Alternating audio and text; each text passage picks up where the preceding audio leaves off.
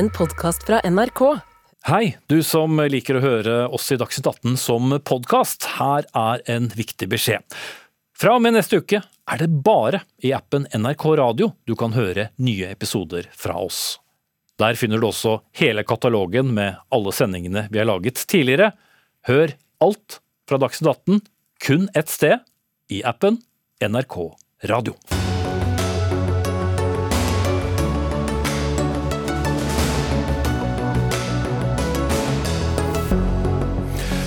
Knapt tre dager tok det å fjerne demonstranter fra lokalene til Olje- og energidepartementet.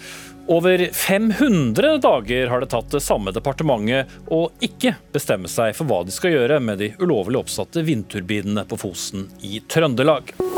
Storbritannia og EU er blitt enige om en avtale om hva, skal, om hva som skal skje rundt problematikken med Nord-Irland etter Storbritannias utmeldelse av EU. Hvem er det viktigst å forske på, kvinner eller menn? Kvinnelig kommentator møter mannlig allmennlege. Og møt bilimportøren som vil ha høyere avgifter på biler. Dette er eh, Dagsnytt 18 mandag. Jeg heter Espen Aas. Og vi starter Dagsnytt 18 med mm, kampen mot eh, vindturbinene på Fosen i Trøndelag. Demonstrantene som har aksjonert eh, både i og utenfor Olje- og energidepartementet har blitt eh, fjernet ut av lokalene. Samtidig har ikke Olje- og energidepartementet heller enda tatt stilling til hva som skal skje med turbinene. Elle Nystad, du er leder for det som heter NSR Nuorat, som er ungdomsutvalget til Norske Samers Riksforbund. Hvordan opplevde du aksjonen i natt? Vi har vært inne i Olje- og energidepartementet. På fjerde døgn så blir vi båret ut av politiet midt på natta mens vi sover, med makt. Og vi blir båret i en kjeller for å skjule for det offentlige at vår egen olje- og energidepartement gjør og oppfører sånn mot eh, en fredelig demonstrasjon uten forvarsel, og de gjør det her for å skjule det denne aksjonen og denne kampen, det handler om vårt liv, min Elin. Det her handler om våre rettigheter til å kunne føre en tradisjonarv som reindrift til fremtidige unge samer og til neste generasjon. Mm. Men dere har tatt dere lovlig inn da i et departement, er det da så rart at dere blir fjernt? Vi var der fire dager. Hva står på spill? Det som står på spill, er jo vår rett til eksistens. Og det her at vi blir sett på som at vi har okkupert det ulovlig, det skjønner jeg ikke. Fordi vi har demonstrert fredelig, og vi har ikke brutt noen lover når vi har vært der inne. Og denne kampen handler om vår eksistens som et folk, og ikke bare eksistensen til reindrifta. Terje Aasland, olje- og energiminister fra Arbeiderpartiet, du er med oss eh, på linje. Ja, etter uh, halvannet år så har ikke dere bestemt dere for hva som skal skje med turbinene, men det var fort gjort å bestemme seg for hva som skulle skje med demonstrantene? La meg aller først eh, gi uttrykk for at eh, det å kunne veldig tydelig gi uttrykk for hva en eh, mener i enkeltsaker, og, og, vise det, det er en viktig del av ytringsfriheten vår. Og jeg møtte disse ungdommene som jeg synes på en veldig respektfull måte veldig klart ga uttrykk for hva de mener er riktig avgjørelse i Fosen-saken. Og hadde en fin samtale med dem da. Når det gjelder hva som har skjedd knytta til dette med sikkerhet og vurderinger i utviklingen av denne, eh, denne demonstrasjonen, så er det altså departementenes sikkerhets- og servicetjeneste som vurderte og vurderer dette fortløpende. Det har ingenting med min rolle eller Olje- og energidepartementet som sådan å gjøre. Dette er eh, faglige vurderinger som gjøres ut ifra okay, sikkerheten det, det og adgangen til at folk skal komme på jobb om morgenen. Nå skal jeg bare stille spørsmål til til deg, Aasland. Men det at dere bruker altså mer enn 500 dager på å ta stilling til en høyesterettsdom som slår fast at eh, disse vindturbinene er satt opp lovlig. Kan du forstå at eh, det er en viss frustrasjon der ute? Jeg forstår at frustrasjonen er der, og jeg skjønner at eh, situasjonen for eh, reindriftsutøverne i Fosen-området er eh, veldig krevende med at denne saken ikke er løst. Når Høyesterett avsa sin dom 11.10, så sendte vi umiddelbart et brev til vindkraftverkene, til reindrifta og til Sametinget. Redegjorde da for at vi måtte omgjøre konsesjonene, at vi måtte ha en prosess for å hente inn ny saksinformasjon, nytt kunnskapsgrunnlag. Og redegjorde også for at vi et, trengte da et nytt utredningsprogram, og ba om innspill til dette. Ja. Og Det har vi holdt på med nå i, siden altså høsten 2021, uten at vi er enige om helt hvordan dette skal gjøres. Og så skal jeg nå treffe sametingspresidenten igjen, som har, eh, som har ytra ønske om å ha en konsultasjon på politisk nivå. Nystad. Det at Aasland sier at det her er vår personlige mening, og eh, det her er ikke vår personlige mening, det her er en felles kamp. Vi starta kanskje aksjonen som eh, noen få aksjonister som okkuperte OED, men se hvor mange vi er nå. Vi var kanskje få i starten, men se hvor mange vi er nå. Det vil jeg bare si. Ser du overskriftene, ser du all støtten vi får, ser du hvor mange som er enige at Vindturbinene må rives, og landområdene må tilbakeføres til Fosen Sæmi. Men ikke bare det. Det her er grønn kolonialisme. Det skal ikke være slik at vår bærekraftig levebrød og primærnæring og livsgrunnlag skal eh, gå på bekostning av kapital. Hvis du hadde ønsket å sende signal om at turbinene skulle rives, Aasland, så hadde kanskje det signalet kommet? Ja, men Vi må forholde oss til det som Høyesterett har gjort og ikke gjort. Eh, og Høyesterett har ikke sagt hva som skal skje med vindkraftanleggene oppe på Fosen. Nei, men de eh, opererer ja. uten en gyldig konsesjon? Men de har ikke gått inn og sagt at, uh, hva som skal gjøres med disse vindkraftverkene. Sametinget og reindrifta har uh, ment at dette skal rives. Eh, og Den debatten har, har gått, men også høyesterettsjustitiarius eh, var veldig tydelig ute i media og sa og forklarer veldig tydelig at dommen ikke sier noe om hva som skal skje med vindkraftverka. Da må vi behandle denne saken på en ordentlig måte. Vi må ha på plass et nytt kunnskapsgrunnlag for å kunne fatte et nytt vedtak, sånn at ikke vi ikke bryter med urfolks rettigheter, sånn at vi kan få en avklaring i denne saken. Det har vært vår intensjon okay. et, umiddelbart etter at uh, Høyesterett avsa sin dom. Vi skal komme tilbake til det om, om litt, uh, Aasland. Greta Thunberg, uh, svensk klimaaktivist. Det har fått mye oppmerksomhet at du er kommet for å delta i demonstrasjonene. Hvorfor er dette en demonstrasjon du velger å være med på? Men det er selvklart. Det, dette viser et veldig, veldig tydelig eksempel. Det er menneskelige rettigheter som brytes her. Det er veldig, veldig alvorlig. Og det skjer i en del av verden der vi sier oss være ledende, være progressive og kjempe for menneskelige rettigheter. At dette skjer, er helt uakseptabelt. Så selvklart så måste vi som har mulighet prata ut om dette og vise vårt stöd til de samer og aktivister som har lett denne kampen veldig, veldig lenge. Er det et paradoks at du som klimaaktivist demonstrerer direkte da mot grønn kraft som er satt opp? Ikke alls. Eh, klimat, klimatkrisen og krenkning av urfolksrettigheter, krenkning av menneskerettigheter går hand i hand. Og løsningen på klimatkrisen måste inkludere at vi lyssnar på urfolk, at vi tar deres perspektiv i åtanke vi kan ikke ha en rättvis klimatomställning om vi fortsetter exploatera og kolonisere urfolksmarker. Eh, om vi fortsetter så her. Det her er et, veldig tydelig eksempel på så kallad kolonialism. At vi låtsas som at vi skal redde planeten så att säga samtidig som vi, som vi kränker mänskliga rättigheter og in, och, och helt og hållet ignorerer urfolksperspektiv. For det er det det, är det, det görs. Ett nej är ett nej. Terje Aasland, eh, statsminister Jonas Gahr Støre sa til VG før sending at dette ikke er et pågående menneskerettighetsbrudd. Er du enig i den formuleringen? Høyesterett sier at eh, det over tid vil eh, være, altså bryte med, med urfolks rettigheter og, og, hindre god utøvelse av reindriftsnæringa. Derfor er det viktig at vi nå får på plass et nytt vedtak så raskt som overhodet mulig. Det ønsker vi å bidra til. og Det har vi hatt uh, veldig klart fokus på umiddelbart etter at Høyesterett avsa sin dom. Finne ut hvordan vi kan hente inn ny kunnskap for å få et godt kunnskapsgrunnlag til å fatte et nytt vedtak som står seg nettopp i forhold til til urfolks rettigheter. Men som også kan, kan inkludere turbinene, at de blir stående? Ja, Det er jo ikke tatt stilling til da, hvordan dette skal løses, fordi det sier ikke Høyesterett noe om. Ja, det det. Og Da må vi sørge for at vi får inn et nytt kunnskapsgrunnlag, sånn at vi kan fatte et nytt vedtak. Hva som blir utfallet av det, eh, det er det for tidlig å si noe om. Om at eh, en finner en løsning, i hvert fall. og Det er regjeringens klare, klare oppfatning og, og mål i denne saken. Det er at vi skal kunne bygge videre på ivareta urfolks rettigheter og ha en sterk også reindriftsnæring i dette området. Reindriftsnæringa er, er viktig. Gro Nystuen, assisterende direktør ved Norges institusjon for menneskerettigheter. Nettopp denne formuleringen om eh, brudd på menneskerettighetene. Altså er, det pågå, er det et pågående menneskerettighetsbrudd? Hvordan skal man definere det?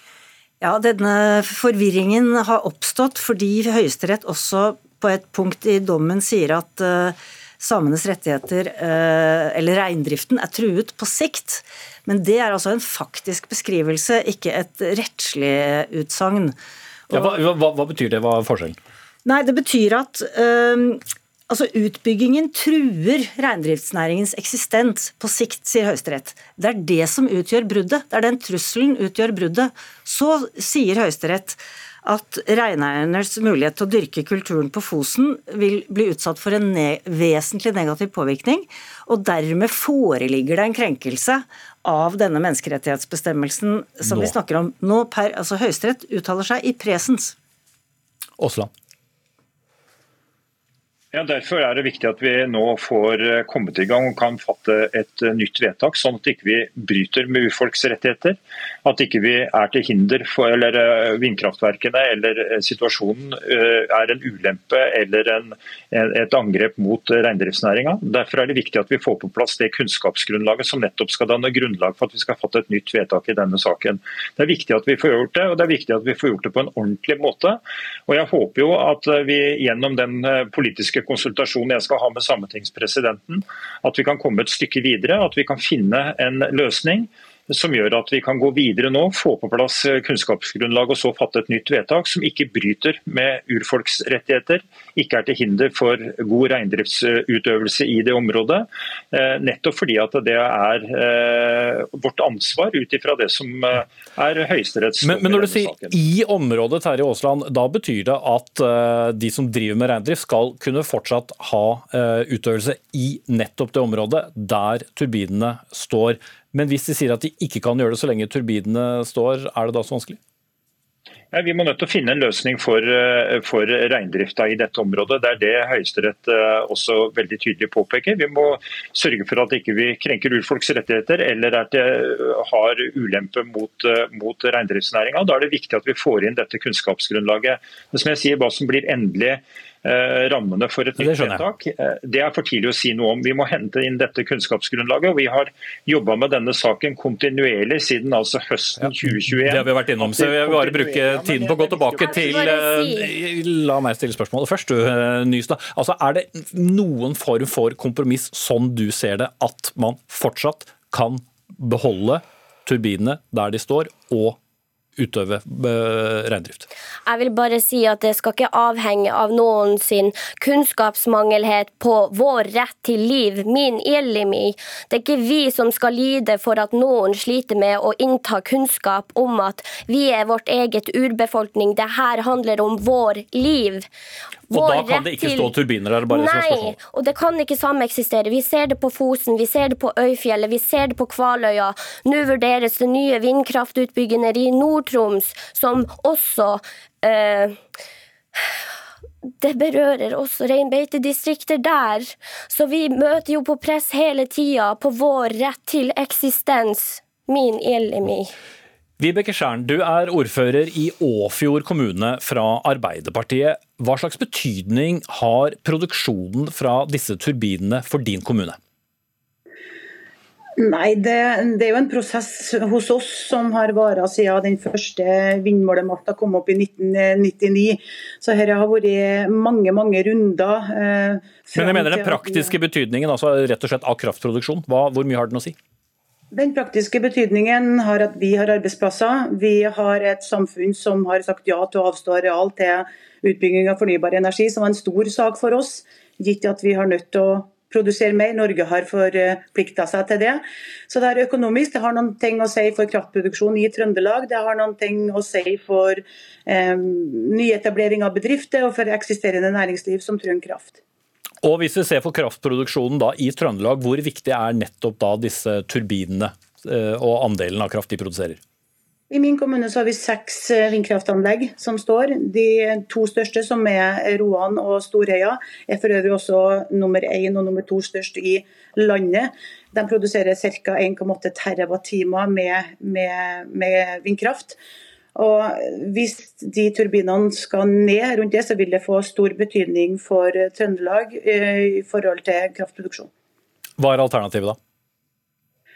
Nei, altså, her, i, her i Åfjorden så, så, er vi jo på jeg tror rett og slett at det er to sannheter. Den ene sannheten er at vi har nødt til å gjøre noe for å redusere klimagassutslippene våre. Det er den ene sannheten, og det har man jo sagt måte, fra Norges side at vi har forplikta oss til å gjøre noe med eh, i det, til det internasjonale verden. Det er en sannhet på den siden. Det er også en sannhet at vi har en høyesterettsdom der Høyesterett har bedt Olje- og energidepartementet å komme fram til noe svar på hvordan man skal fikse sånn at konsesjonen på en måte er eh, er av den type som ministeren her beskriver. og Da sitter vi igjen i Åfjorden her og tenker at den jobben som Olje- og energidepartementet nå holder på å gjøre, den må på plass. Og så har vi et brennende ønske om at det faktisk skal være mulig å bedrive eh, reindrift og samisk kulturutøvelse sammen med de turbinene som står og går i dag. Sammen med turbinene, Nystad? Dere snakker om økonomiske risker, men dere snakker ikke om risken om å miste liv. Risken av å miste livsgrunnlaget sitt. Så det her å sammenligne økonomi og liv, det befinner jeg meg ikke i som ung same. Vil du svare på det, Skjern? Sammenligne sammenligner ikke på en måte økonomi og, og Det gjør jo du når du nevner reindrifta. At det stopper økonomien deres. Så jo, det gjør jo du. I 2009 så sa vi ja til å avstå areal til utbygging av landbasert vindkraft på det tidspunktet der så trodde vi, og vi mener jo fremdeles at vi gjorde noe bra, fordi at vi skulle gjøre det sammen med Sverige. Og så har jeg bare et brennende håp om at det er mulig og forenlig at man klarer å drive reindrift og samisk kulturutøvelse samtidig som at de turbinene står og produserer fornybar energi. Der venter vi nok eh, mange spent. Til slutt, eh, Greta Thunberg, eh, hvor lenge er du beredt til å være sammen med demonstrantene utenfor departementene i Oslo? Så lenge, så lenge jeg behøver. Jeg syns bare at det her er veldig veldig talende. Man, det, man prater om hva hvordan samer kan gjøre for å få, få rennæringen gå, å gå ihop, for å kunne beholde kulturarv videre, tradisjoner, eh, sitt levebrød. Men man lyssnar ikke på hva samer selv sier om det. Mm. Så menneskerettigheter før grønn energi? Du rangerer Det var ikke det hun sa. Nei, jeg stilte deg spørsmålet. Menneskerettigheter mot grønn energi, steller du mot hverandre? Ja, altså du rangerer de Vi kan ikke velge, vi må ha både. Ok. Da sier jeg takk til dere. Ellen Nystad, leder av NSR Norat, Greta Thunberg. På linje Terje Aasland, olje- og energiminister. Eh, vi hadde Gro Nystuen, assisterende direktør ved Norsk institutt for menneskerettigheter, og Vibeke Skjern, ordfører i Åfjord kommune.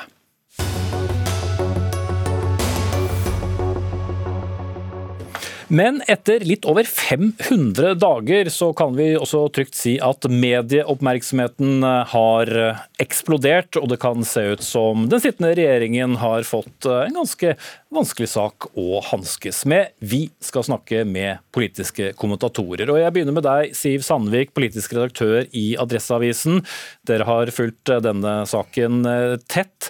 Men denne kampen som aksjonistene nå kaller det, hva handler den egentlig om? For den er åpenbart vanskelig. Nei, altså Greta Thunberg sa jo nettopp at uh, man kan ikke velge mellom menneskerettigheter på den ene sida og grønn energi på den andre. Og hvis man står på start sluttstreken i et uh, prosjekt, så, så, går det jo an å tenke sånn, men satt på spissen her, så er det jo akkurat det Terje Aasland og regjeringa må gjøre. For uh, hvis de ender med å rive ned de her turbinene, så vil vi jo få mindre fornybar kraft inn i, i kraftmiksen i, i, Trøndelag. Og hvis de blir stående, så vil jo samene i området føle, og også med Eh, også med støtte eh, fra ledende jurister i Norge. Det er mer enn en følelse på samisk side her, at deres rettigheter eh, blir krenka. Og det her er jo en kamp som samene som har rein på beite i Fosen har kjempa i, i 20 år. De har fram til dommen i Høyesterett i 2021 tapt hele veien.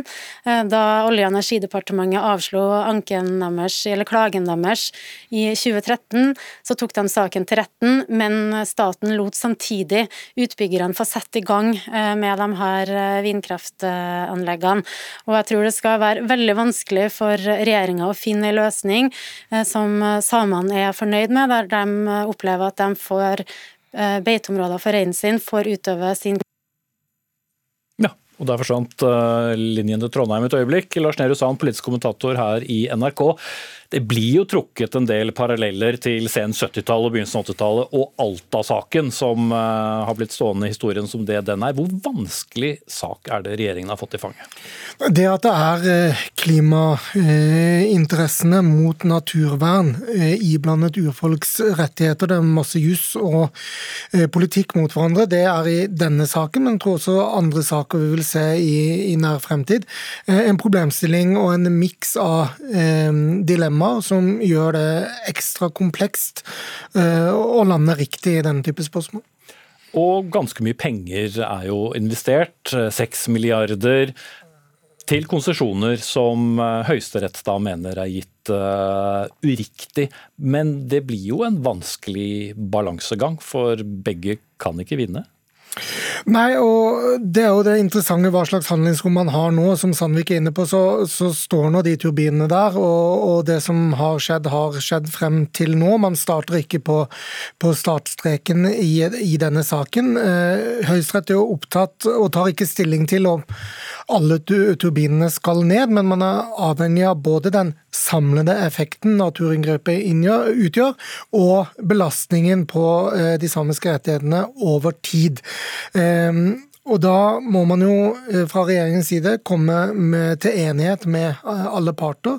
Eh, det virker for meg som om de avbøtende tiltakene regjeringen så langt har foreslått, ikke er nok. Og da må man kanskje skalere ned omfanget av vindmølleparken noe. Og så er det fortsatt mye som gjenstår av, av forhandlinger med alle de involverte, før man kan komme til en, en enighet. Da er linjen til Trondheim gjenopprettet. Eh, Siv Sandvik, eh, vi hørte jo eh, ordfører Skjæren her snakke om at dette er en, en, viktig del av kraftproduksjonen i Trøndelag, og ikke minst for hennes kommune. Inngrepene er allerede gjort. Hvor store konsekvenser blir det hvis de blir helt eller delvis fjernet? Nei, altså Vi har jo eh, bedt tidligere vi i Adresseavisa et konsulentselskap om å regne ut uh, hvor mye det vil koste for trønderske husholdninger i, på strømregninga dersom de her anleggene tas ned. og Det var vanskelig å komme fram til et svar med to streker under, men utregninga da var vel at det var en tusenlapp ekstra i året. og Så er vi jo i en situasjon der prognosene viser kraftunderskudd fram i tid dersom det ikke bygges mer fornybar kraft. Så det er klart at det vil ha store konsekvenser i, i Trøndelag grunnlag. Men det er like viktig å spørre hva er konsekvensene dersom de blir stående. Altså, Samene vil jo eh, se på det som en, en krenkelse av sine rettigheter, og at uansett hvor hardt de kjemper og uansett hvilke rett hvilke um, seire de får i rettsapparatet, så, så de, står de igjen som, som taper uh, uansett. Og, sant, Aasland ønsker jo seg en sånn vinn-vinn-situasjon der turbinene blir stående samtidig som de finner tiltak som, som, gjør at uh, samene likevel får beite med reinen sin i området. Og Det tror jeg blir veldig vanskelig. Jeg tror fort det kan bli en tap-tap-situasjon der ei regjering som snakker på inn- og utpust om behovet for mer fornybar kraft kan måtte ende opp med å, å demontere en vindkraftpark, eller det motsatte, at uh, turbinene står, mens en regjering samme år som Sannhetskommisjonen skal komme med sin rapport om fornorskninga mot uh, norske samer og overgrep som staten har begått, må turbinene, eller må velge å la turbinene stå, med den kritikken og motstanden som da bare vil øke i styrke som følge av det. Ja, Lars Nehru Sand, eh, hvor mye handlingsrom har egentlig regjeringen? Det å skulle definere hvorvidt et menneskerettsbrudd er pågående eller ikke, er jo en krevende øvelse i seg selv, som vi hørte forut for, for vår prat. Ja, og det, det, er jo derfor dette er en, en, vanskelig sak. Eh, som jeg var inne på i sted, så, så, tror jeg nok at de avbøtende tiltakene regjeringen ser for seg, ikke er, eh, ikke er nok. Og jeg tror eh, det å nedskalere vindkraftanlegget vil jo ha, ha, noen industrielle konsekvenser, men det å ha det stående vil, som Sandvik er inne på, ha, ha noen helt, helt andre konsekvenser, som også er kanskje ikke like målbare i tall, men som, som vil vil ha noe, noe å si for, for, den samiske eh, befolkningen i et symboltungt år å, å, å gjøre det på. Og til slutt, sier Sandvik, det betyr vel at regjeringen eh, nå har litt dårlig tid, med tanke på valg og det hele? Ja, og presset øker jo. Det er jo fascinerende sett eh, herfra hvor mye denne demonstrasjonen og aksjonene i Oslo har eh, hatt eh, å si. Plutselig er flomlyset på. Vi ser ordføreren, Ap-ordføreren i Tromsø er ute og sier at turbinene må rives. Tone Våg, som er en markant Ap-skikkelse her i Trøndelag, sier det samme. Presset øker. Regjeringa har jo fått jobba, eller noen vil si ikke jobba, i det stille i i 500 dagene. Eh, den stillheten er borte, nå er flomlyset på og presset øker. Og vi har brukt nesten 26 minutter av vår sending. Siv Sandvik, politisk redaktør i Adresseavisen, politisk kommentator Lars Nehru Sand.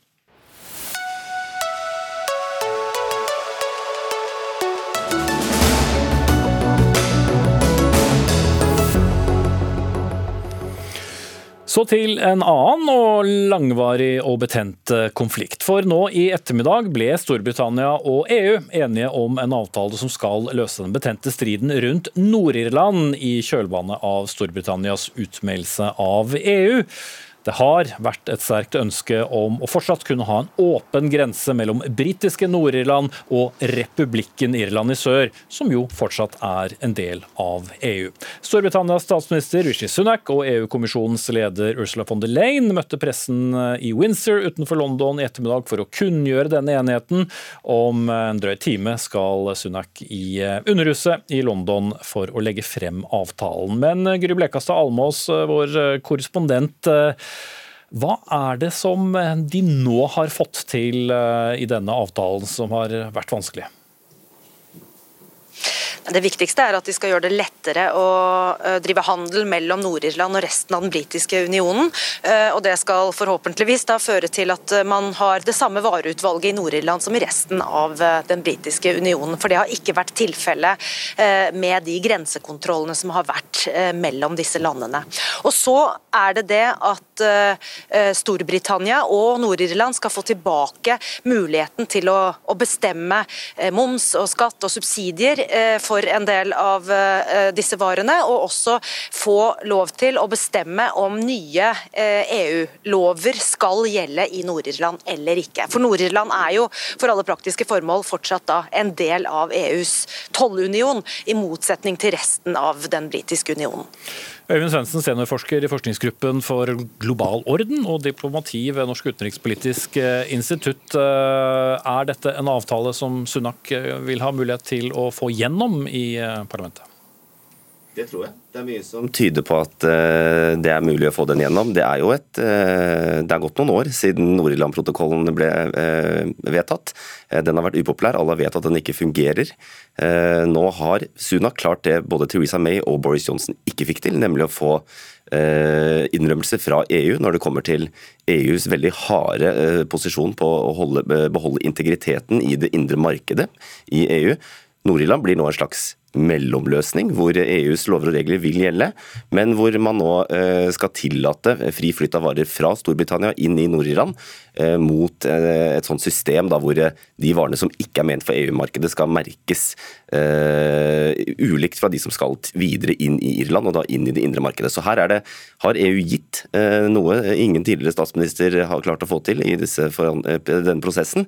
Så Sånn sett så tror jeg dette er det, det beste muligheten en britisk statsminister har til å få godkjent og vedtatt en sånn avtale. Så litt mer eh, byråkrati, men eh, mindre fare for eh, en stengt grense mellom britiske Nord-Irland og, og, republikken Irland? Litt mer byråkrati, og det kommer definitivt til å bli byråkrati her også. Som jeg sa, det skal være en, en fargekodeløsning som skiller varer i to. Men akkurat mellom Nord-Irland og Storbritannia for øvrig, så kommer det til å være mindre byråkrati. Og der har jo En av de store eksemplene i dag var jo I forlengelse av det var dette med En av de første tingene Rishi Sunak sa, var eh, nå skal også nordirene få eh, priskuttet på øl, som vi har lovet resten av Storbritannia, for å vise at varer kan flyte enklere, og at London og Storbritannia kan lage sine egne lover i Nordland.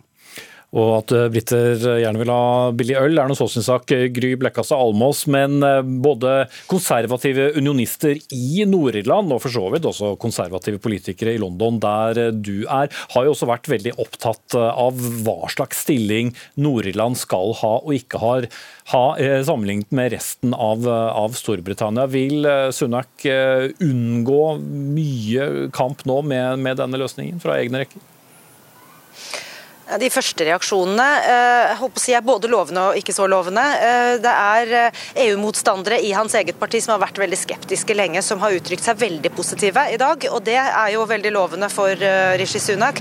Men så har lederen for Det demokratiske unionistpartiet i Nord-Irland uttalt at etter hans første blikk på denne omfattende avtalen som han nå skal bruke veldig mye mer tid og sammen med jurister på å gå gjennom skikkelig før han sier noe ordentlig.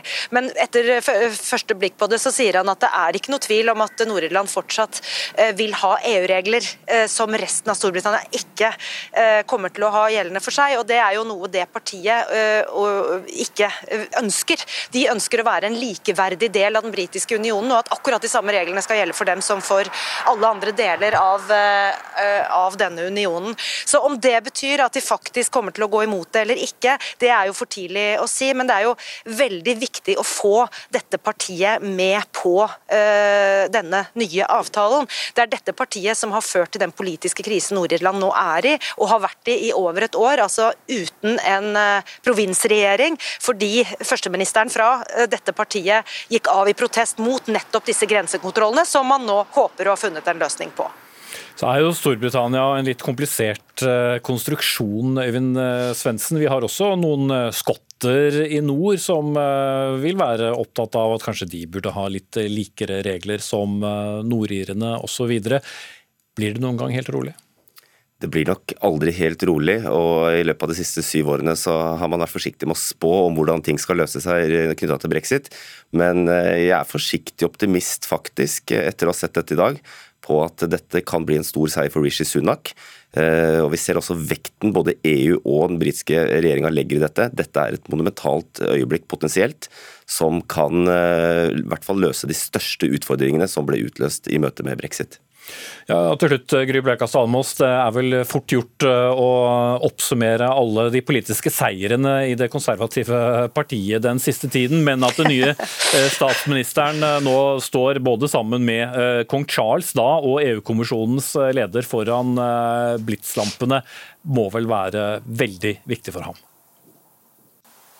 Ja, og det oppsummeres jo som hans første eh, egentlig, seier siden han ble statsminister. Eh, dersom han da får den nødvendige støtten for dette. Og det er det mye press på, for det er ikke veldig mange ukene til Nord-Irland skal feire 25 år med eh, fred. Langfredagsavtalen ble undertegnet for 25 år siden, og det skal feires og markeres i, påsken. og det er klart at det ser dårlig ut hvis, hvis man ikke har klart å få en regjering opp å stå igjen. en politisk politisk eh, institusjon som ble dannet på bakgrunn av nettopp den avtalen man da skal markere. Men dette er et eh, første skritt som kanskje kan lede til eh, roligere forhold i Nord-Irland framover. Takk skal du ha, Gry Blekastad Almås, korrespondent i London, og Øyvind Svendsen fra NUPI her i studio.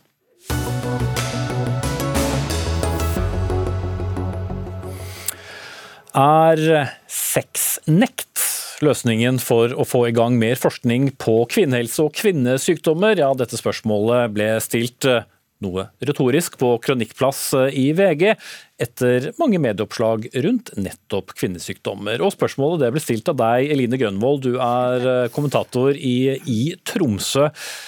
Ja, du mente kanskje ikke helt seriøs sexnekt, men hva var poenget ditt? Nei, altså Det har sikkert funka med, med, global sexnek. Nei, uh, poenget mitt er jo at uh, det blir dropt i veldig mange år. Uh, men det virker ikke som at det funker. Vi er jo halvparten av befolkninga. og så virker det som at det er kun når vi kommer i en fertil alder at plagene man har, faktisk blir tatt på alvor. Ja. Og på hvilken, på hvilken måte blir dere ikke tatt på alvor? Nei, altså, Det finnes jo mange mange historier rundt at man eh, kanskje havner på akutten med ekstreme smerter, får uh, beskjed at det er menssmerter f.eks. Eh, og så eh, Ja, så skal du prøve å bli gravid, og det går ikke. Og så eh, finner man da ut kanskje at det er PCOS eller endometriose. At det er først når du faktisk skal reprodusere at at man finner ut uh, hva som feiler deg. Eller at du har født uh, og kommet på seksukerskontroll, uh, og kanskje ja, med sting her og der. Alle som har født, vet hvordan det er. Og istedenfor å få spørsmål hvordan har du det, uh, hvordan er forholdet med kroppen din, sover du, er du glad, så spør man altså vil du ha kobberspiral eller hormonspiral. Og det tenker jeg er fint at eh, Det er klart man skal ikke få unger så tett, men det er litt mye fokus på eh, ja, reproduksjon og å komme seg opp på hesten igjen. Mm. Kjetil Høie, allmennlege med meg her i studio. Vel så viktig å forske på mannen, sa du da vi snakket med deg. Men hva, hva svarer du Grønvoll? Jo, det er, det er, jo det. Jeg må jo si det at jeg er opptatt av forskning, og at man skal forske på kvinner og menn. Eh, og Som lege så skiller vi ikke så mye på kvinne- og mannesjukdommer, egentlig. Vi, eh, og jeg har drevet med forskning eh, for legemiddelindustrien, uttesting av nye legemidler og nye midler for sykdommer. Og vi forsker jo på det som de lager noe på. Men menn sliter også. Det er jo klart at eh, Menn lever betydelig kortere enn kvinner. Menn har hyppigere kanser, hjertesykdom, ulykker, diabetes eh, og selvmord. Eh, og vi har lidelser på menn også som det ikke forskes med. Jeg har gjort ja, mellom 120 og 150 kliniske studier eh, i min tid i allmennpraksis. Og jeg har forsket mer på kvinnesykdommer enn på mannesykdommer. Jeg har forsket på osteoporose, benskjørhet, urinkontinens, migrene, fibromyalgi, eh, hormoninnlegg i skjeden mot urinveisinfeksjoner, Ok, mange ting, men, men, det er veldig mange som i hvert fall i den senere tid har vært opptatt og, og, og, og sier med en viss tyngde at uh, hadde det vært menn som hadde hatt en del av disse plagene, så hadde vi løst dem for lenge siden. Tar de da feil? Ja, jeg tror faktisk det. Jeg tror også Det finnes menn der ute. Det finnes mange menn som sitter der utbrente, slitne og som mangler testosteron, f.eks. Eh, de får ingen eh, behandling ofte av allmennlegen fordi vi vet for lite om det. Eh, vi ser også at vi gjør screeningundersøkelser i Norge. Vi screener på livmorhalskreft, vi screener på brystkreft. Vi har heldigvis begynt å screene på tarmkreft, men vi screener ikke på PSA og på prostat spesifikt antigen, eh, som kan, eh, en høy PSA kan føre til eh, prostatakreft. ikke sant? Slik at, og menn, altså Kvinner er mer opptatt av helse enn menn, og kvinner snakker mer om det. Går mer til lege, bruker helsevesenet mer, mens menn er ganske forsiktige og tilbakeholdne. og Det hender at jeg får menn som kommer på kontoret og sier 'hva kan jeg hjelpe deg med i dag', f.eks., og de må ha telefon for å ringe kjerringa. Det var, det var ikke mye gehør her, Grønvoll? Nei, jeg tenker at det må gå altså, man må jo kunne feire morsdag uten å feire farsdag samtidig. Altså man, man, må da kunne prate om kvinnehelse uten at det alltid skal bli Nå dro jeg det litt fram sjøl i mine debatter for, for, ja, for, å vekke litt oppmerksomhet. Men historisk sett, så nå er jo ikke jeg en lege og jeg er ikke forsker og ingenting sånn, jeg har bare litt meninger. Og, og av det jeg har lest meg fram til, så historisk sett alle medisiner vi damer bruker, f.eks., de er jo kun testa ut på menn fordi at damer i fertil alder ikke skulle bli testa noe på. Og også med hjerteinfarkt, med alt av sånn her eh, hva vi skal se etter eh, som symptomer på det, så er det også definert av menn og ikke av kvinner. Eh, sånn at er, jeg synes det er en merkelig ting å påstå at det, at det, er tilstrekkelig forskning på kvinner. Og hvis det er det, så er det utrolig dårlig flyt i hvert fall ut til fastleger og til befolkninga for øvrig. For at det man møter på, er ikke et svar, på en måte. Høye. Ja, altså, eh, Vi tester jo ut kun på de som vi er så engstelige for å få bivirkninger i forbindelse med graviditet. slik at eh, man skal ikke skade et foster. Eh, men det testes ut like mye midler på kvinner som hos menn. Etter 2001 ja, så kom det lov, men til da så var det ikke det. Så, så det, jeg tenker bare at det er et bilde på hele hvordan det er lagt opp. Og, og jeg sier ikke at man ikke har forska på hva ting heter.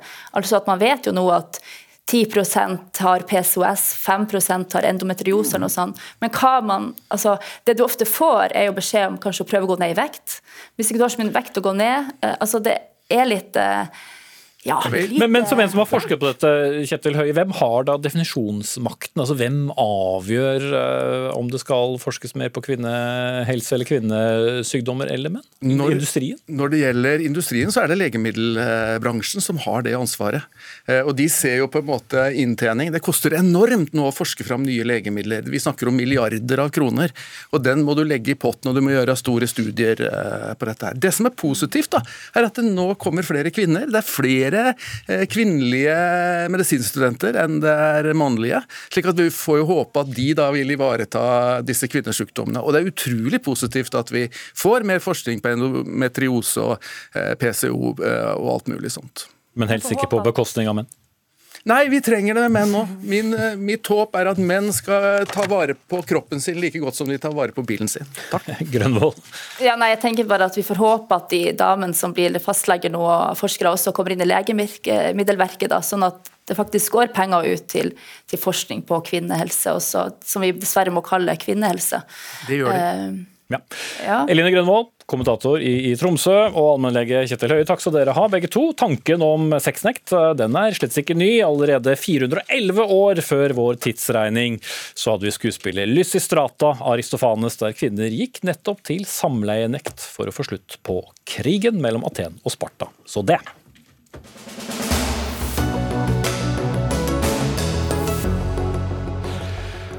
Like ofte som eh, forslaget er blitt avvist, er det gjerne blitt foreslått på nytt, nemlig det å tillate boligbygging i skogsområdene rundt hovedstaden, gjerne kjent som Oslomarka. Årsaken til at dette forslaget har det med å komme opp på nytt, er galopperende boligpriser. Siden 1996 har boligprisene i landets hovedstad steget dobbelt så mye som lønningene til de som trenger å kjøpe bolig.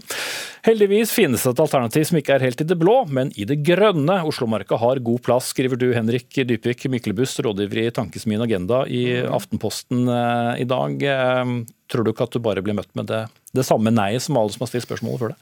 Ja, men det kan ikke bety at man ikke skal prøve. Og så vil jeg korrigere litt introen her. I den forstand at lønningene har tredobla med boligprisene i samme periode siden det har syvdobla. Ja, altså mm. boligprisene har steget dobbelt så mye som lønningene. Mm. Mm. Um, riktig. Uh, og uh, det er et enormt samfunnsproblem. Det, Oslo uh, har blitt en ulikhetens by, hvor arv har mer å si enn ens evne til å jobbe og spare. Men hvorfor er da den mest lavthengende frukten, hvis det er riktig ord, å bygge ned natur? Altså, Det er ikke langt ifra den mest lavtenkte frukta, men sannhet er at vi har et plassproblem i Oslo. Eh, plan- og bygningsetaten opererer med en samla bolig- og tomtereserve på 45 000 boliger. Det er for så vidt korrekt, men veldig mye av det baserer seg på fortetning. Og som vi har sett f.eks. med striden rundt eh, små, uh, små husbygginger i Oslo, så viser det seg å være forferdelig kontroversielt. Personlig, sånn jeg ser det, så syns jeg det er veldig rart at vi skal ha en særregel for spesifikt Oslo Oslomarka, som for det meste ikke er urskog, men i store og hele er industriskog. 86% av den skogen har vært flatehugd mm. eh, før. Ja, Eksempelet ditt var vel hvis vi hadde bygget ut en bydel, så ville det vært tre promille. Eivind Tredal, eh, gruppeleder for MDG Oslo bystyre, mm. det er jo nå dere som sitter med makten. Eh, er svaret alltid nei? Ja, akkurat her har jo eh, Oslo kommune bundet seg ganske til masta, også med at vi har fått en nasjonal lovgivning. Eh, ikke sant? Vi har markaloven, som er et nasjonalt vern av Oslomarka mot nedbygging. Eh, og Det er jo gode grunner til det. Det handler jo om at vi ønsker å både avgrense byens vekst ut i områdene rundt, altså byspredning i form av masse boligfelter rundt byene. Det skaper jo bilbasert og, og lite arealeffektiv utnyttelse. Eh, I tillegg så handler det jo om å ta vare på naturen. Men husk på at Oslo er det fylket i Norge med mest biologisk mangfold. Eh, vi har mange sårbare dyrearter, plantearter. Eh, nå har vi akkurat signert en naturavtale i Montreux rett før jul. og Vi har jo hatt ganske mange eksempler det siste halvåret på at regjeringa dessverre ikke tar det helt inn over seg.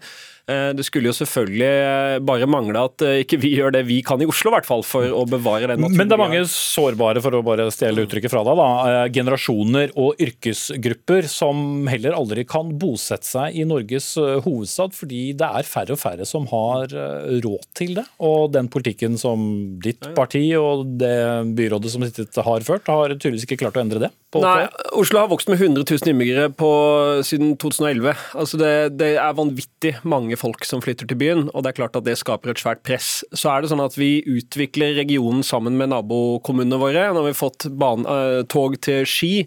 Eh, det utvikles veldig mye bolig. Vi fått T-bane til Fornebu. Der skal det bygges en by på størrelse med Lillehammer. Vi bygger ut i Hovindbyen en liksom, område på størrelse med Oslo innenfor Ring 2. Vi har regulert Filipstad, som er gammelt havneområde. Grønlikai kommer. Så det, det, vi nå gjør i grå arealer og i, langs knutepunkter rundt byen i nabokommuner, det monner veldig mye. Og så tror jeg ikke det er mulig å fjerne den, eh, på en måte det store attraktiviteten til Oslo, og fjerne det boligprispresset det skaper, bare ved å ta noen biter av marka. Men jeg skulle gjerne også hørt noen konkrete eksempler da, på hvilken deler av marka man ønsker å ta. For det hadde kanskje gjort debatten litt enklere. Ja, eller jeg hadde lyst til å stille spørsmål til deg, Myklebust. Hvorfor må det være skogene gå på bekostning? Hvorfor kan ikke byen da ese ut uh, andre veier? Altså, nå er jo skog på alle, i alle retninger, bortsett fra ut i sjøen. Uh, og Når det kommer til, til, til hvor vi skal bygge, så må det selvfølgelig tas hensyn til hvor det er mest biologisk sårbare områder. For det er helt riktig at det er noen områder i Oslo som virkelig ikke burde bygges i, altså oss inklusive Marka. Men det er også store områder som har veldig lavt biologisk mangfold, som egner seg veldig godt til det. Uh, når det er sagt, da, uh, så har riktig at Oslo har vokst mye, men det kommer til å fortsette å vokse mye. 100 000 innbyggere kommer til å være innen 2050, ifølge Statistisk sentralbyrå. Og Det er jo for så vidt et ganske konservativt anslag. Hvis vi skal ha noe som helst håp om å få ned boligprisene, ikke bare få bukt med galopperende boligprisene, så blir vi nødt til å ta ganske drastiske tiltak. Um, skulle du spørre noe? Eh, ja, det er det jeg gjør som programleder. Ja. Sette ordet over til Tredal. Altså, vi har jo bygd en jernbane gjennom hele Oslo-marka, så om man tar toget til Gjøvik f.eks., kan man ikke da også bygge hus ved siden av den? Det begynner å bli en stund siden man gjorde det, da. Ja, da er det der. Og, altså, du kan alltid argumentere for å bare ta litt til. ikke sant? Og Det er jo sånn naturen gjerne blir eh, ødelagt i kommuner over hele landet og over hele verden, for den saks skyld. Eh, det finnes alltid et godt hensyn som sier kan vi ikke bare få bygd ut litt her. Og det er den måten med tusen små kutt at naturen i verden blir ødelagt på. Eh, denne uka skal bystyret i Oslo ha en behandling av høringa til ny nasjonalpark i Østmarka, det er der vi er på vei. Altså, det er det vi diskuterer i Oslo bystyre. Hvordan vi skal styrke marka, gjøre marka enda villere, styrke naturkvaliteten i marka. Dette forslaget her er jo en helt motsatt retning, og det håper og tror jeg har veldig liten tilslutning i Oslo bystyre. fordi vi som bor i Oslo, vi eh, som, som nordmenn er, da, det flotteste kvaliteten med en storby, syns vi, det er at det er kort vei ut i skauen. Men det er faktisk en av de viktigste kvalitetene til Oslo, at vi har en fantastisk natur rett mm. utenfor dørstokken. Er det gitt eh, til slutt, Myklebust, at eh, det ville blitt så mye billigere boliger? Vil ikke mange tenke at jeg vil heller bo ved skogen enn i byen? Alle monner drar, og det viser også all forskning, at hvis du får opp eh, tilbudet betraktelig, så vil eh, også prisene gå. Men det vil selvfølgelig medføre Det vil selvfølgelig um, fordre en vesentlig mye større boligutbygging enn vi har i dag. Når, eh, når det ja. Jeg må bryte dere av, for jeg ser på klokken. Henrik Dybvik Myklebust, rådgiver i Tankesmien Agenda, som skrev om dette i dagens utgave av Aftenposten, og Eivind Tredal, gruppeleder for MDG i Oslo bystyre.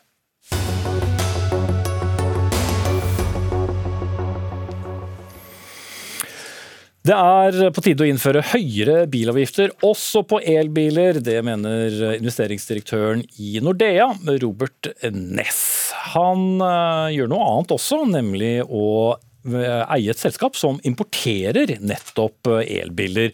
Og Robert Ness, i en artikkel i Dagens Næringsliv forrige uke så skrev du at det om å legge om bilavgiftene i sin tid ikke var noen god idé, enda så mange elbiler ble solgt. Hvorfor var det ikke en god idé?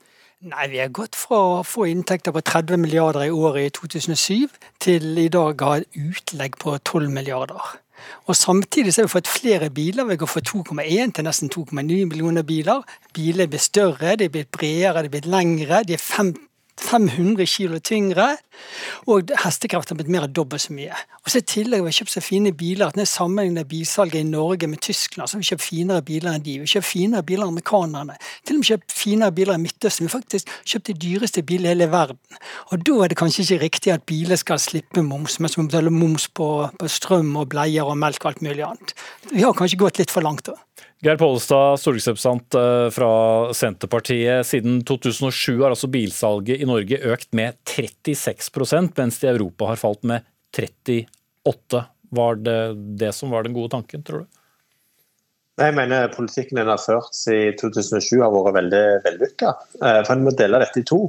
Vi hadde to mål. Det ene var at bensin- og dieselbilene der skulle vi legge om, sånn at en skulle kjøpe de som hadde lavere eh, utslipp, en gjorde de med høye utslipp litt dyrere, og de med lave utslipp billigere.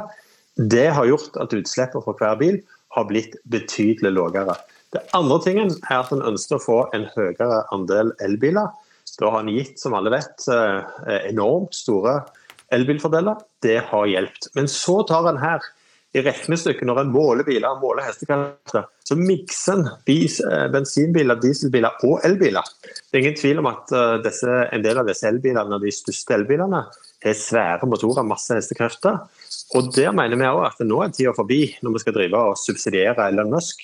Vi må bruke pengene mer fornuftig i Norge. Altså, vi innfører nå moms på det over 500 000. Eh, vi øker også prisen som man må betale i bomringen på elbiler noe. Og en driver og normaliserer eh, elbilene sånn at vi, ja, de skal bli behandla som eh, biler. Men jeg syns kritikken bommer totalt, fordi at en sauser sammen to ting som hver for seg har vært svært vellykka politikk. Robert Ness. Nei, altså, De fossilbiler også blir større, de har også fått mer hestekrefter. Og faktisk vi har fått eldre bilpark. Det høres jo merkelig ut. Vi kjøper stadig flere nye biler, og likevel blir bilparken eldre. Og Det skyldes at de samtidig har innført fradrag for gamle biler. Så kjøper en ti år gammel bil med masse hestekrefter, svær bensinmotor, så får du nesten ikke avgifter. Og en 20 år gammel får du null avgifter. Så Derfor har du fått en kraftig økning av import av store, tunge biler med mye utslipp. Så, så, så din løsning Robert Ness, er egentlig at alle biler bør bli subsidiert substansielt mye dyrere enn i dag? Ja, egentlig. Det er ikke noe særlig populært. Men klart får vi inntekter der, så kan vi gi folk tilbake på andre områder, om det er strøm eller mat eller andre ting. Så det er ikke sånn at du skal ha mest mulig avgifter, men det blir riktig fordeling. Sant? I dag er det de med god økonomi som slipper bilavgifter. Men det er ikke sikkert det er den optimale måten å fordele inntektene på. Kristina Bu, eh, generalsekretær i Norsk Elbilforening. Du har eh, lyttet, nikket og ikke nikket. Eh, dere har jo vært kritiske til en del av disse økningene av avgifter på elbiler, men Ness har vel også et poeng om at det ble veldig mange biler?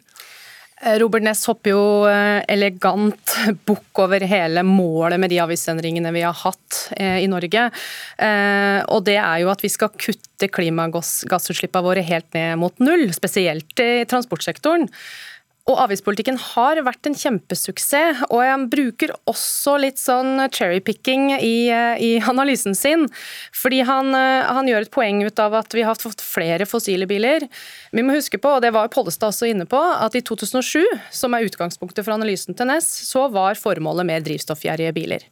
Og da økte også antallet fossile biler. Men så eh, gjorde Pollestad og resten av kollegaene hans på Stortinget et veldig godt eh, vedtak i 2017 om at vi fra 2025 kun skal selge nullutslippsbiler i Norge.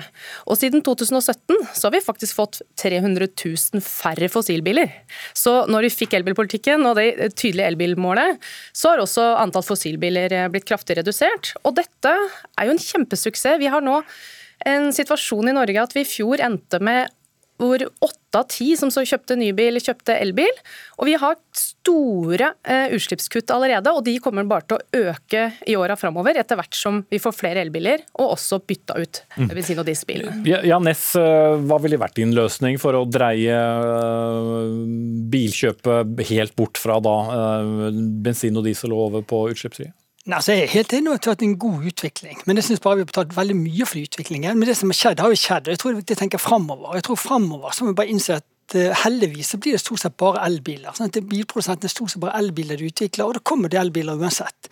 Og Da trenger vi ikke gi subsidier i form av gratis moms for folk til å kjøpe elbiler. Så kanskje er det beste av moms på også alle elbiler, og la oss de dyre elbiler også betale det som heter engangsavgift, som vi hadde på alle biler før i tiden. Ja, er det en god idé, Pollestad? Ja, Nå er jo ikke målet å øke avgiftene. Vi er veldig godt fornøyd i Senterpartiet med at avgiftene på bil har gått uh, ned. Men vi ser òg at dette med momsfritak uh, det uh, står for fall. og Derfor har vi innført nå moms for biler det, det, bilene koster over en halv million. Og Jeg tror nok også at det blir en gradvis innstramming på det, sånn at en likebehandler elbiler og andre Eh, biler som går på bensin og, diesel. Men vi, vi, er jo et land som trenger eh, bilen. Eh, vi, må eh, minne at vi ønsker å ha trygge biler. Derfor vil vi ha noe utskifting av eh, bilparken. Så alt i alt så mener jeg at den politikken som har vært ført er eh, fornuftig. Og så skal vi gjøre den justeringen at de dyreste elbilene nå får moms og de får denne vektavgifta fordi at det er verken bra for økonomien eller for klimaet eh, at vi subsidierer svært store eh, elbiler. Okay. Først vil jeg si meg enig med Pollestad. Eh, fordi at eh, Ness eh, i sin analyse han, han lager et sånn, han svartmaler situasjonen ganske kraftig. Han, han, sier at vi har veldig mange biler i Norge, men vi er faktisk midt, litt under snittet i Europa når det gjelder bil, antall biler per innbygger. Og det er egentlig ganske imponerende med tanke på hvordan vi bor. Altså Norge er like stort som Tyskland, men det er bare 5,5 millioner mennesker her. Sånn at vi har behov for bil, men de bilene må være nullutslipp. Og for å være litt uenig med med Pollestad, eller eh, Nå har det jo kommet veldig store avgiftsøkninger for elbil fra og med i år. Så nå betaler jo eh, eh elbiler moms eh, over eh, summen over 500 000. De betaler full omregistreringsavgift, de betaler årsavgift. De betaler også nå eh, i stor, veldig stor grad bompenger. Og de har også fjerna hele rabatten i firmabilbeskatninga. Det som er resultatet av det, er litt tidlig å si, men etter to måneder ut i 2023 så har ikke elbilsalget økt sammenlignet med i fjor. Og nå må vi også huske på at det er under to år til vi skal nå 100% i nybilsalget, som politikerne har bestemt. Da må vi i hvert fall komme til 90% i 2023, hvis det målet skal være innen rekkevidde.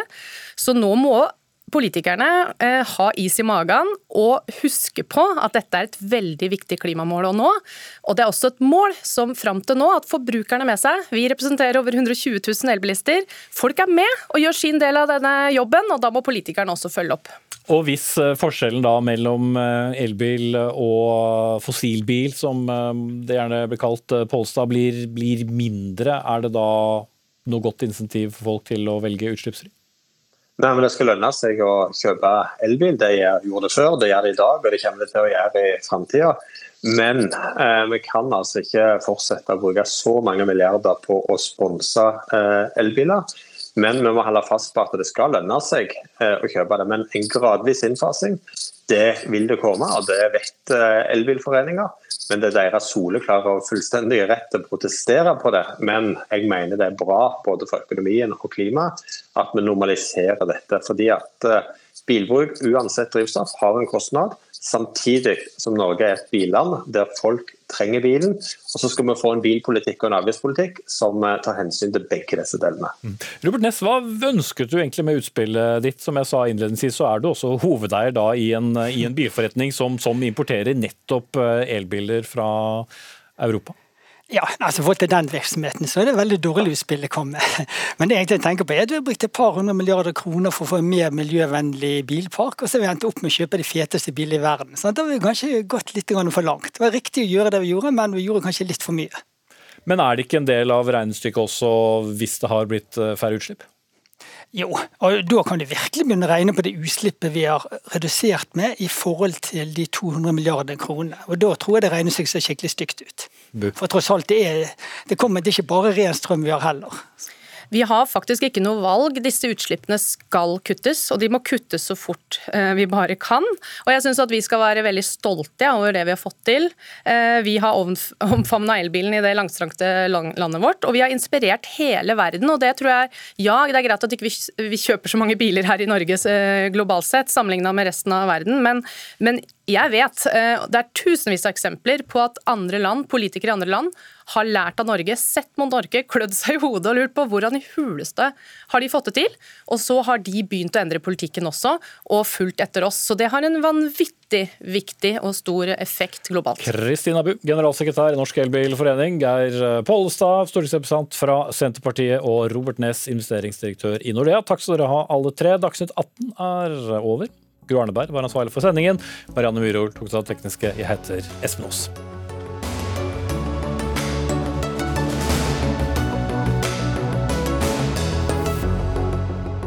Du har hørt en podkast fra NRK.